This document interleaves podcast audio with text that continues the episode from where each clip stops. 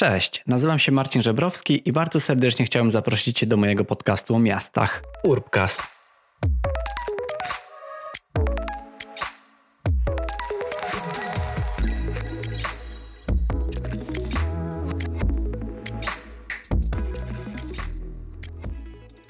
Cześć, witam Cię w kolejnym odcinku mojego podcastu o miastach.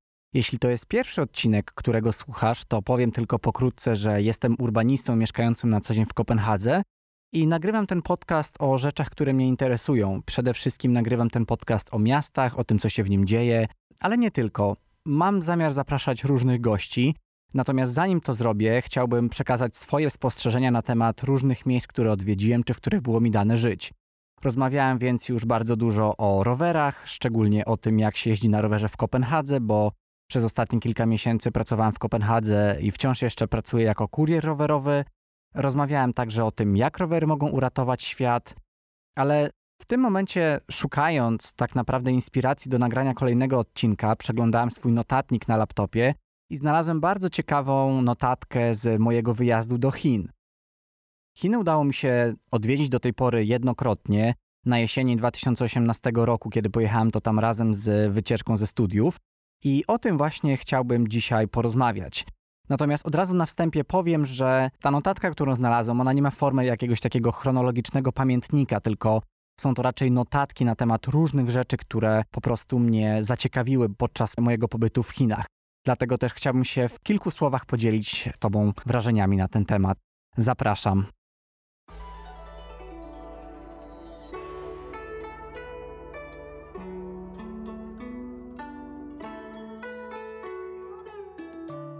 Wrażenia lotniskowe. Ósma rano czasu lokalnego. Lotnisko w Bangkoku. Przed przesiadką na lot do Chengdu. Mój pierwszy kontakt z Azją. Pracujący w restauracjach ludzie wydają się być niesamowicie zaangażowani i z uśmiechem rozmawiają pomiędzy sobą, obsługując klientów. Klientów o różnych kolorach skóry, mnóstwo Hindusów, Azjatów, bardzo mało białych ludzi, więc te proporcje się odwróciły. Czuję się bardzo zaintrygowany zupełnie inną kulturą i tym, że dominują tu totalnie inne rasy niż nasza. Bardzo pozytywne nastawienie i uprzejmość ludzi widać od samego początku. Chengdu, o którym prawdopodobnie mało kto z Was słyszał, to piąte największe miasto Chin z ponad 15 milionami mieszkańców, największe miasto w zachodniej części tego kraju. Chengdu jest znane głównie z bycia stolicą regionu Sichuan, czyli tego, z którego wywodzą się bardzo ostre potrawy i przyprawy, a przede wszystkim znany pieprz sichuański. Lubię ostre jedzenie, czasem przesadzam z sosem chili, ale pieprz sichuański i potrawy w tej części Chin to inny wyższy level. Chengdu zostało nawet uznane przez UNESCO w 2011 roku za miasto gastronomii. I nie da się ukryć, że wielu turystów, przede wszystkim z Chin, między innymi właśnie ze wschodniej części Chin, czyli z największych miast typu Szanghaj czy Pekin, przybywa do Chengdu właśnie w celach takiej turystyki gastronomicznej, aby spróbować tutejszych potraw, no i tego osławionego pieprzu. Jednak wydaje mi się, że Chengdu jest również znane, może nawet bardziej znane z faktu bycia stolicą pand. Miasto jest związane z symbolem Chin, a więc pandą wielką, która zamieszkuje prowincję Sichuan. Największą atrakcją związaną z pandami jest Chengdu Research Base of Giant Panda Breeding, a więc nie zoo, a ośrodek badań i hodowli rozrodu pand. Czy ktoś z Was widział kiedyś malutkie dziecko pandę? Zapewniam, że to jeden z najsłodszych widoków na świecie. Ale na razie tyle o Chengdu. Jeśli chcielibyście się dowiedzieć czegoś więcej, to dajcie mi znać, to chętnie przygotuję specjalny odcinek poświęcony tylko stolicy pand. Galeria handlowa bardziej uspołeczniona niż w Polsce. Widzę, że ludzie czują się swobodniej.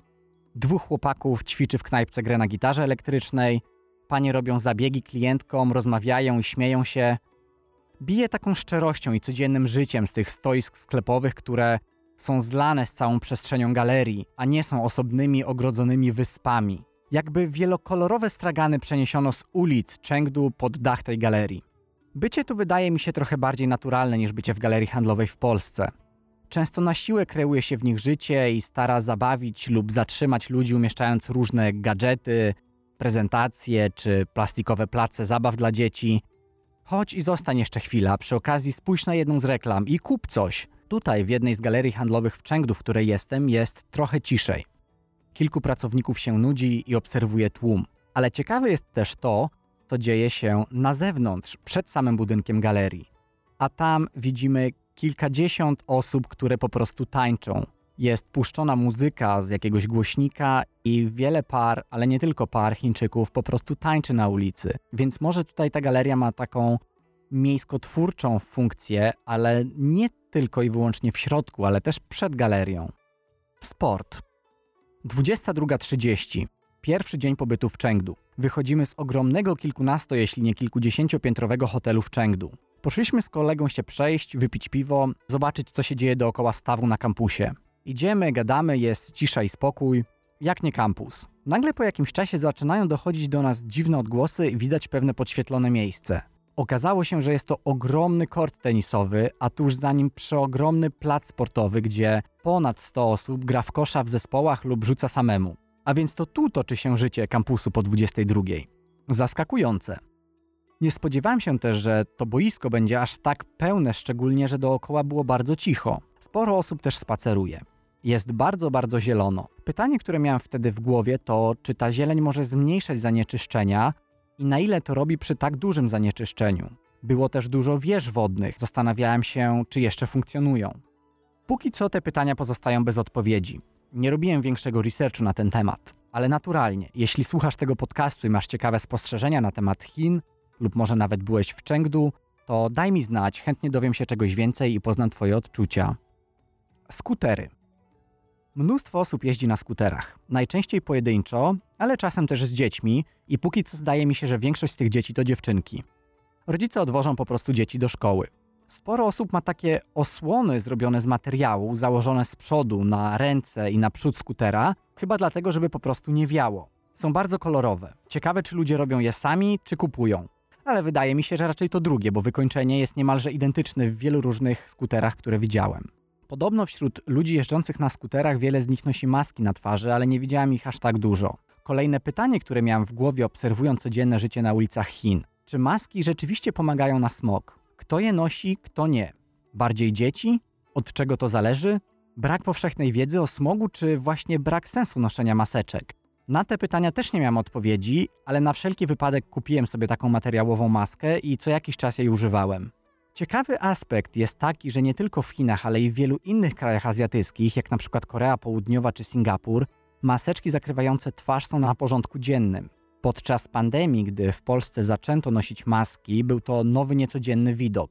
Tymczasem w Azji maseczki noszono od dawna, nie tylko z powodu smogu, ale też przez troskę o innych. Przez to, że myślę, że Azjaci mają takie większe poczucie pewnego kolektywu i dbają po prostu o to, aby inni ludzie się nie zarazili. W założeniu, w momencie, gdy ktoś choruje, czy jest to grypa, czy zwykłe przeziębienie, a musi wyjść na ulicę, czy iść do pracy, zasłania twarz maseczką, aby nie roznosić zarazków w przestrzeni publicznej, jak metro czy ulica na przykład. I jest to jedna z rzeczy, której moglibyśmy się nauczyć innymi właśnie z Chin. Smog. Czy naprawdę jest tak, że w Chinach jest tyle smogu? Na szczęście ostatnimi czasy na skutek pandemii jest tego smogu trochę mniej i internet obiegały zdjęcia z, z Szanghaju, Pekinu czy właśnie Wuhan, gdzie nie ma ani jednej chmury na niebie, niebo jest nieskazitelnie czyste, no i tego smogu nie ma. No ale niestety w momencie, gdy ja byłem w Chinach, czyli na jesieni 2018 roku, ten smog był wszędzie i tak naprawdę chyba tylko raz czy dwa widziałem przebłyski słońca, gdzie niebo się trochę rozjaśniło, a przez większość czasu było tak szaro-buro. I niestety, owszem, dawało się odczuć ten smog. Szczególnie przy większych arteriach. Niestety też przy takiej dużej arterii był zlokalizowany nasz hotel, więc no było, było czuć, ale wydaje mi się, że też nie tylko były to zanieczyszczenia pochodzące z samochodów, ale też było bardzo dużo placów budowy dookoła naszego hotelu. I według mnie część tego smogu mógł też tworzyć po prostu pył i kurz pochodzący z różnych placów budowy. Bardzo dużo rowerów, szczególnie z miejskiej wypożyczalni rowerów. Spory chaos komunikacyjny, ludzie czasem chodzą po ulicach jak chcą. Bardzo dużo rowerów miejskich do wypożyczenia, zarówno w systemie stacji, jak i takim, że zostawiasz ten rower po prostu gdzie chcesz.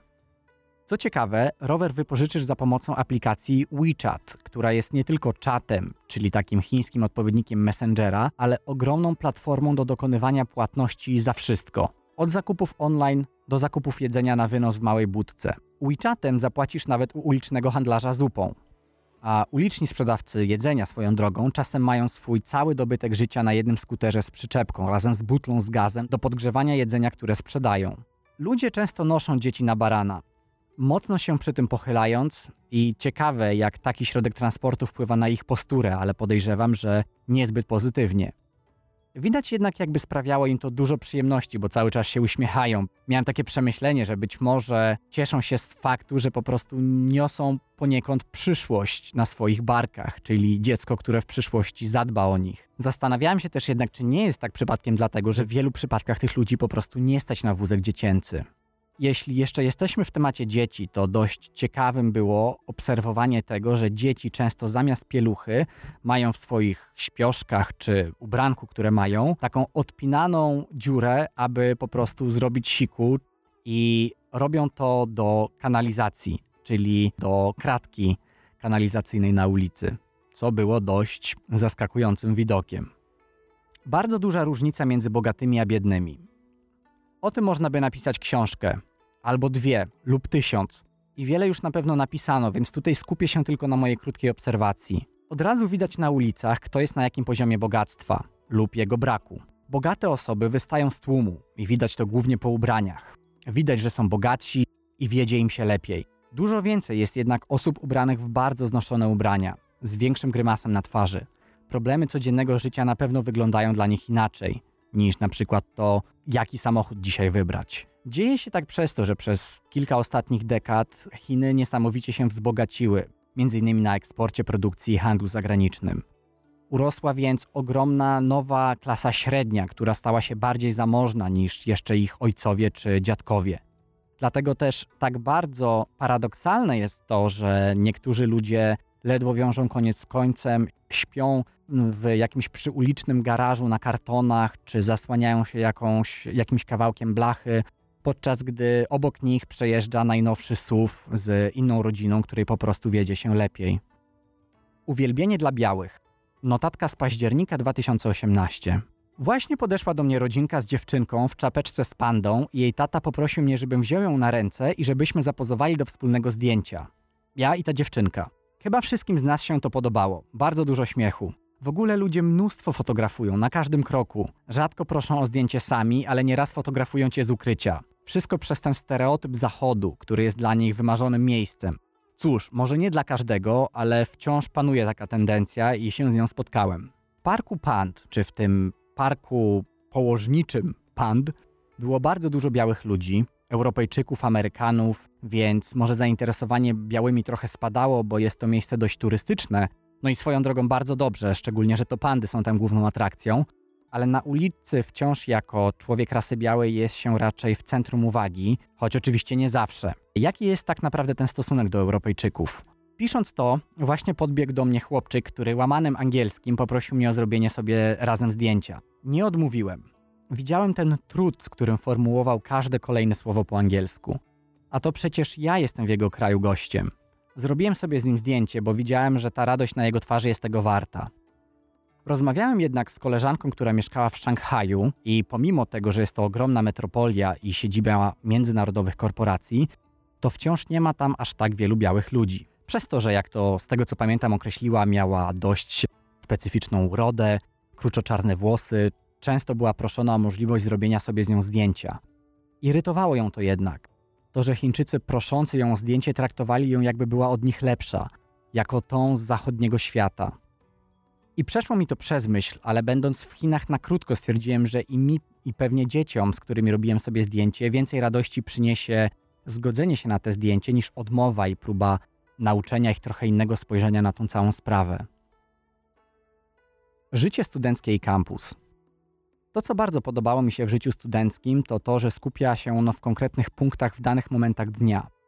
Rano, niczym jak w mrowisku, roi się od kolorowych rowerów miejskich, których studenci używają do dotarcia na kampus. Po tym jak na kilka godzin udają się na zajęcia, około południa większość, a więc tysiące studentów, pamiętajmy, że jesteśmy w Chinach, wychodzi do kantyny na lunch. Co ciekawe, płaci się tam za obiad kartą studencką, na którą wcześniej doładowuje się środki. A co najważniejsze, jedzenie było przepyszne i bardzo tanie. W przeliczeniu nawet 2-3 zł za talerz pełen ryżu, kurczaka, sosu i warzyw. Potem koniecznie trzeba było jeszcze odwiedzić jeden z małych barów kawowych sprzedających bubble tea i można było wracać na zajęcia. No właśnie, jak to jest z tą kulturą studencką? Szacunek do nauczycieli.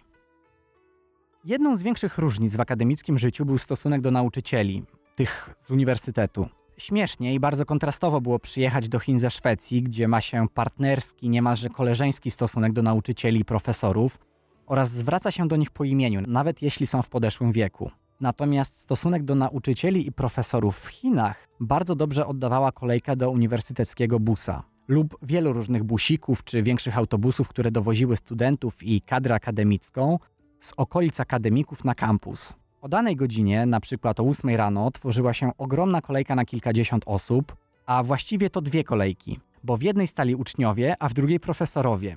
I to oni zawsze mieli pierwszeństwo wejścia na pokład autokaru. Zdziwiło mnie, gdy studenci stojący w kolejce od kilkunastu minut, bez jakiegokolwiek grymasu lub innej negatywnej emocji, puszczali przed siebie do wejścia nauczycieli, którzy w tym samym momencie zjawili się na stacji. Było to trochę irytujące, gdy śpieszyliśmy się na warsztaty, odstaliśmy swoje, a i tak musieliśmy przepuścić kogoś, kto dopiero pojawił się pod autobusem, tylko dlatego, że był po drugiej stronie uniwersyteckiej barykady w cudzysłowiu. Szczególnie, że miałem przed oczami obraz mojej nauczycielki w Szwecji, która na uczelnię dojeżdżała zatłoczonym autobusem miejskim bez żadnej taryfy ulgowej. Jeśli nie zmieściła się do autobusu, bo był zbyt pełny, no to cóż, jej problem weszłaby do następnego. Drugi moment, w którym zobaczyłem pewną admirację i szacunek względem nauczycieli i profesorów, to to jak chińscy studenci traktowali ich komentarze i uwagi co do projektu, nad którym razem pracowaliśmy.